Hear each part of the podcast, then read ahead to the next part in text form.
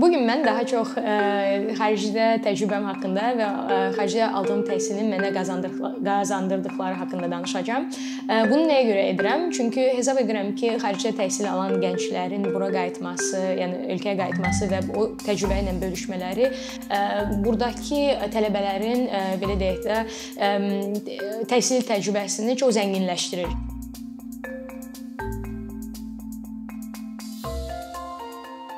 Dərs demək ə, e, mənə nə qazandırdı və mənim tələbələrimə nə qazandırdı ümumiyyətcə. E, çox maraqlıdır ki, mən ə, e, özüm ə, heç inana bilməzdim ki, mən təhsil, ə, tədris ə, karyeramda özüm nə qədər inkişaf edə bilərəm. Çünki mən inanırdım ki, mən həmişə məlumatı ötürəcəm, amma qarşısında çox az bir şey alacağam, amma bu belə olmadı. Birinci Azərbaycan dili bacarıqlarımı mükəmməlləşdirdim. Başladım qəzetlər oxumağa, məlumatları Azərbaycan dilində oxumağa, tərcümə etməyə. Çünki tələbələr əlbəttə ki, Azərbaycan bölməsində oxuyurdu və biraz məlumatlığın məlumatların da qıtlığı olduğundan, yəni e, ədəbiyyatın olmadığından mən də çox əziyyət çəkirdim. Ona görə tərcümə etmək e, e, məcburiyyətində idim. Lakin bu mənə də çox şey qazandırdı, tələbələrimə də. Çünki xarici mənbələrə belə deyək, çıxışları oldu mənim vasitəmlə. Ona görə mən hesab edirəm ki, xarici təhsil alan tələbələr və bir neçə dil bilən tələbələr, mən məsəl üçün daha çox ingilis dilini bilən və biraz alman dilini və rus dilini əlbəttə, amma ispan, fransız dili bilənlər də həmin ölkələrin ədəbiyyatını oxuyur. Ona görə daha yaxşı anlayışları olur və onlar necə deyim sizə körpü qura bilərlər. O həmin mədəniyyət və həmin mənbələr arası bizim cəmiyyət arası. Yəni bu körpünü qura bilərlər və bu dəhşət çox şey qazandırır insanlara. Çünki təfəkkürləri dəyişir, düşüncə tərzləri biraz genişlənir. E, hardasa başlayırlar e, qutudan kənar düşünməyə. Artıq görürlər ki, yəni bir mədəniyyətdə belə münasibət var yanaşma, digər mədəniyyətdə tamamilə fərqli və yaxud və s. ilə axır. Bu, yəni müqayisəvi belə deyək, töhfə verir. Müqayisə etmək üçün böyük töhfə verir bu e, belə deyək yanaşma və təcrübə. E, müxtəlif e, bölmələrdə dərs demək də çox maraqlı bir təcrübədir. Çünki siz hər dəfə auditoriyaya gələndə dil dəyişirsiniz və məncə hər kəs mənimlə razı olar. Dil dəyişəndə insan maraqlıdır ki, həm biraz şəxsiyyəti dəyişir, həm də biraz tərzi dəyişir, danışıq tərzi və ya ünsiyyət qurmaq tərzi. Bu da çox rol, böyük rol oynadı. Həm tələbələrin mənimlə ünsiyyət qurmağında, həm də ki, özlərinin digər belə deyək dilləri dilləri kəşf etməsində. Çünki mən hər dəfə bir neçə dillərdən istifadə edirdim auditoriyada. Müəllimlik təcrübəsi ümumiyyətcə mənə nələr qazandırdı? Ünsiyyətdən başqa və məlumatı ötürmək imkanından başqa mən həmçinin bu aha məqamlarını çox yaşadım. Çünki siz dərs dedikcə müəyyən gözləntiləriniz olur. Yəni sizin çatdıracağınız, verəcəyiniz məlumatları gözləyirsiniz ki, digər auditoriya qəbul etsin və anlasın. Və bunlar belə deyək, üst-üstə düşəndə, baş verəndə siz çox sevinirsiniz. Çünki bilirsiniz ki, əməyiniz boş yerə getmədi və həqiqətən siz insanlara doğru şəkildə məlumatı çatdıra bildiniz. Bunu nə vaxt anlayırsan, o vaxt ki, suallar verirsə, insanlar sənə cavablar verir. Sənin dediyin kimi cavab vermirlər, amma ə, o mövzuya sizənin istədiyin kimi yanaşmanı seçirlər və bu çox belə deyək, ə, məni çox sevindirirdi ə, və hər dəfə mənə daha çox belə ilham, motivasiya verirdi ki, bu təcrübəmi davam edim, fəaliyyətimi davam edim. Sonra yaradıcılıq. Sən hər dəfə fikirləşirsən ki, auditoriyada hər həmişə çox yaxşı oxuyan, motivasiyalı olan və motivasiyası olmayan tələbələr olacaq və sən hər dəfə düşünürsən ki, necə bu insanları cəlb edim ki, bu insanlar da məlumatlı olsun və maraq göstərsinlər və burada artıq belə deyək, yaradıcılıq rol oynayır. Sən hər dəfə düşünməlisən ki, necə bu insanları cəlb eləyim mövzulara, müzakirələrə, araşdırma etmələrinə. Yəqin ki, bir çoxsuları, bir çox insanlar mənimlə razı olar. Təəssüf ki, bizim bir çox təhsil ocaqlarımızda kitabxana, texnologiya baxımından çoxlu boşluqlar var. Mən mən də təhsil dediyim ərəfədə çox əziyyət çəkirdim buna görə. Hətta skalyoz qazandım özümə ikinci dərəcəli.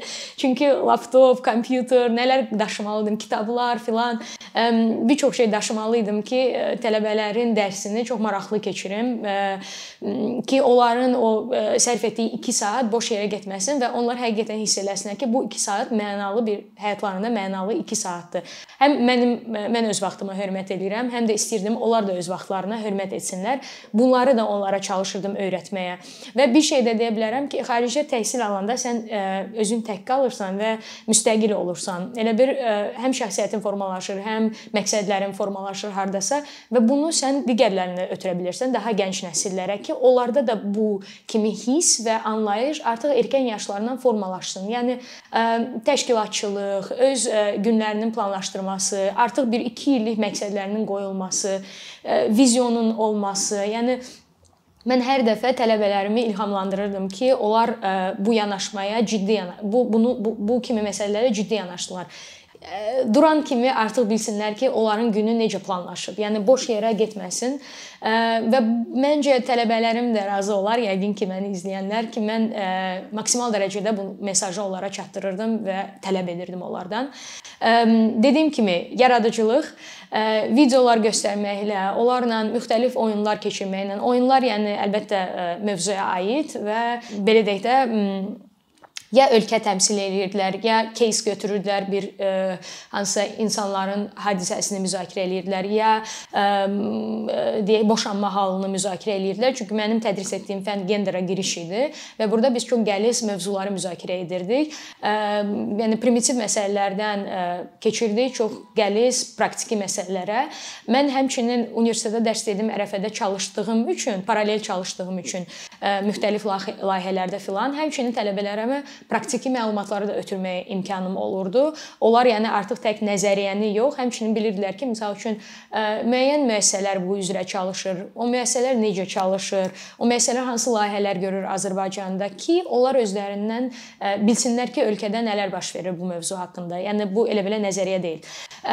Belə və yaradıcılıq. Dediyim kimi, sən maksimal çalışırsan ki, bu insanlar üçün bir mühit yaradasan, harda ki, onlar həqiqətən diqqətlərini mənə cəlb etsinlər və mənə versinlər hardasa. Dediyim kimi video materiallar, şəkillər, sən həmişə o vizual materialları göstərdikdən sonra insanlarda müəyyən fikirlər oyanır və burada artıq sən onların başlayırsan subyektiv fikirlərini öyrənməyə. Bir şey də vurğulamaq istərdim, tövsiyə edərdim. Mən müşahidəmə əsasən tələbələr arası çox yüksək öz çox belə deyim, geniş şəkildə yayılmış bir məsələ var. Özünə güvənin aşağı olması. Tələbələr çıxış edəndə və yaxud seminarlar zamanı onlar onların öz güvəni çox aşağı olur və onlar adətən çıxış eləyəndə belə deyək, qaloçka xətri üçün çıxış eləyirlər, qiymət üçün çıxış eləyirlər və mən bunu dərs dediyim ərəfədə çalış dəyişməyə çox çalışdım və məncə məndə bu alındı. Çünki auditoriyada həmişə yaradıcı və daha motivasiyalı olan tələbələr olurdu ki, hansılar ki, digərlərinə bir örnək idi. Onlar təqdimat hazırladığı ərəfədə, yəni müxtəlif yanaşmalar seçirdilər. Bundan əlavə komanda şəklində işləyirdilər. Çünki mən həmişə onları komandalara bölürdüm. İstirdim ki, onlar e, digərləri ilə ünsiyyətdə olarkən və belə deyək də prioritetləri seçmək imkanları olsun, qabiliyyətləri olsun deyə onları komandalara bölürdüm və bu da onlara çox yardımçı olurdu. Yəni yenə qayıdıram o yaradıcı yanaşmaya. Siz hər dəfə müxtəlif metodlar istifadə etməlisiniz auditoriyadakı. Fərq etməz, universitetdimi, məktəbdimi, insanlar daha maraqlı olsunlar bu dərsdə özünə güvənin aşağı olması və bunun üzərində çalışmaq mənim çox enerjimi alırdı. Çünki sən hər dəfə düşünürdün ki, necə edim ki, bu insanın özünə güvəni artsın və özünə güvəni boş yerdə artmasın. Yəni bu insan təhsilinə güvənsin, məlumatına güvənsin ki, insanların qarşısında çıxış edə bilsin və yaxud digərlərinə ünsiyyət qura bilsin və s. Bundan əlavə uğursuzluq. Tələbələr uğursuzluğu sevmir və mən bunu hiss edirdim və bunu da dəyişməyə çalışırdım. Hər hər bir auditoriyamda mən deyirdim ki, onlar uğursuzluğu sevsin, çünki uğursuzluq həmişə onlara yardımçı olacaq ki, onlar uğur əldə etsinlər, uğura nail olsunlar. Və bu da məncə onların təfəkkürünü dəyişdi və o bayaq dediyim aha məqamı var.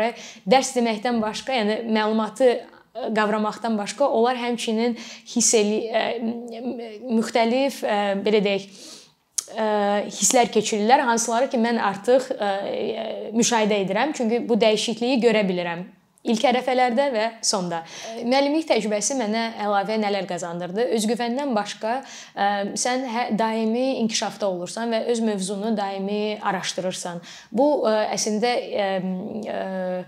çox yardımçı olur, belə deyək, kvalifikasiyanın artırılmasına və peşəkarlığın artırılmasına. Çünki sən daha məlumatlı olsan, daha məlumatlı insan da həmişə daha çox irəlidə olur.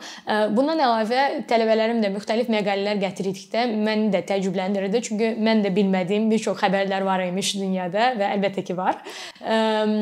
Bu da əlbəttə öz yerində çox böyük töhfə verir sənin özünün inkişafına öz sahəndə. Bundan əlavə ölkəni daha yaxşı tanımaq imkanı. Məsəl üçün mən Bakı Dövlət Universitetində dərs deyirdim və həmin universitetdə Azərbaycanın bütün bölgələrindən tələbələr var.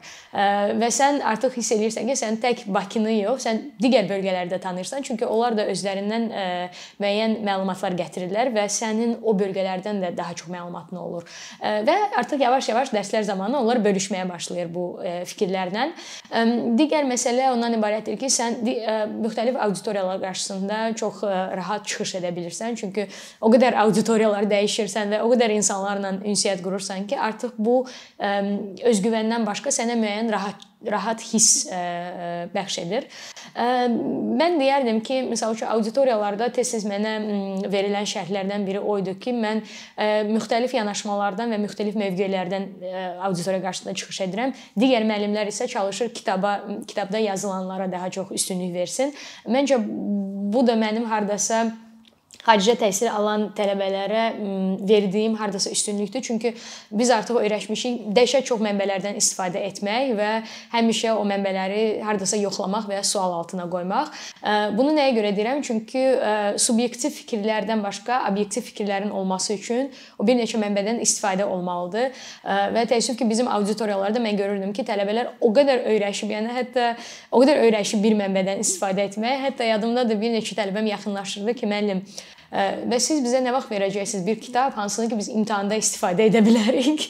Mən bir neçə dəfə o tələbələrə izah etməyə çalışdım ki, belə bir mənbə yoxdur. Yəni belə bir kitab da yoxdur. Siz yəni hər dəfə yemək üzərindən onlara misal verirdim ki, yəni bir yeməyi siz gündə hər gün yeyə bilmərsiniz də. Yəqin ki, hər yeriniz ağrıyar və özünüzü pis hiss edə bilərsiniz. Burada da həmin şey. Yəni hər gün müxtəlif yeməklərdən dadmalısınız müqayisə etmək üçün, fərqini anlamaq üçün, varmaq üçün fərqinə Və burada da yəni həmçinin kitablardan söhbət gedir. E, digər tərəfdən deyərdim ki, e, problemlər nədən ibarətdir? Çətinliklər e, kitabxananın tez bağlanması və tələbələrin bir çox mənbələrə çıxışı olmaması. Həm dil baxımından, həm də şəraitin olma olmamağından. Texnologiyaların olmaması bu dəhşət çox çətinlik yaradır. Çünki vizual məlumatlar ötürmək lazımdır və yaxud araşdırma aparmaq lazımdır auditoriyada. Mən müəllim mən çox gənc müəllim idim. Ona görə və əminəm ki, yəni hər bir yaşda insan hər şeyi bilə bilməz və auditoriyada çox maraqlı məlumatlar tapmaq olar internetin o internet olanda. Yəni burada özünü itirmək filan lazım deyil. Auditoriya əgər sual verirsə və siz daha əlavə məlumat onlara ötürmək istəyirsinizsə, siz onların qarşısında elə onu nümayiş etdirə bilərsiniz və yaxud dediyinizə qüvvə vermək üçün statistik məlumat göstərə bilərsiniz onlara. Yəni texnologiyanın auditoriya auditoriyalarda olması məncə çox böyük töhfə verə bilər bizim təhsilimizin inkişafına və proyektorlar dedim, proyektorlar üzərində həmişə dava gedir universitetlərdə. Çünki bir çox müəllimlər istəyir məlumatı ötürsün, göstərsin, nəsə təqdimat hazırlasın. Təəssüf ki, hər gün alınmır. Bundan əlavə təqdimatların hazırlanması, bu texnoloji bacarıqların inkişafı. Yəni nə qədər də nəzəriyyəni siz deməsəz, insanlar bu nəzəriyyəni texnologiya vasitəsilə də çatdırmaq imkanı olmalıdır və bunun üçün də onların təqdimat hazırlanması lazımdır lazımdır. Təqdimatı təqdim etməyə imkanı olmalıdır. Ona görə mən hesab edirəm ki, e, bizim təhsilimizdə bu məqamı qeydə almaq məncə üstünlük, prioritet olmalıdır. bir müəllim kimi hardasa təcrübəmdən bölüşürəm və çətinliklərimlə bölüşürəm. Müəllimlik təcrübəsi çox mükafatlandırıcı belə deyək bir təcrübədir. Çünki illər keçsə də belə sizin ə, belə deyək, ə, göstərdiyiniz təsir və ə, ə, təşəbbüs ə, insanlarda iz buraxır, insanların həyatında iz buraxır və bir çox insanlar əslində bunu unutmur. Məni bu çox təəccübləndirdi. Ə, bir neçə il mən artıq 2 ildə, 1 ildə dərs demirəm universitetdə, amma tələbələrim bayramlarda və s. mənə məni təbrik edirlər. Facebookda məni axtarırlar, Instagramda. Yəni hər yerdə çalışırlar izləsinlər və mənimlə bu kommunikasiyanı davam etsin, etsinlər. Bu da hardasa sevindirir, çünki sən anlayırsan ki, sən doğru bir yoldasan və insanlara insanların təfəkkürünü, həyatını dəyişdirə bilirsən.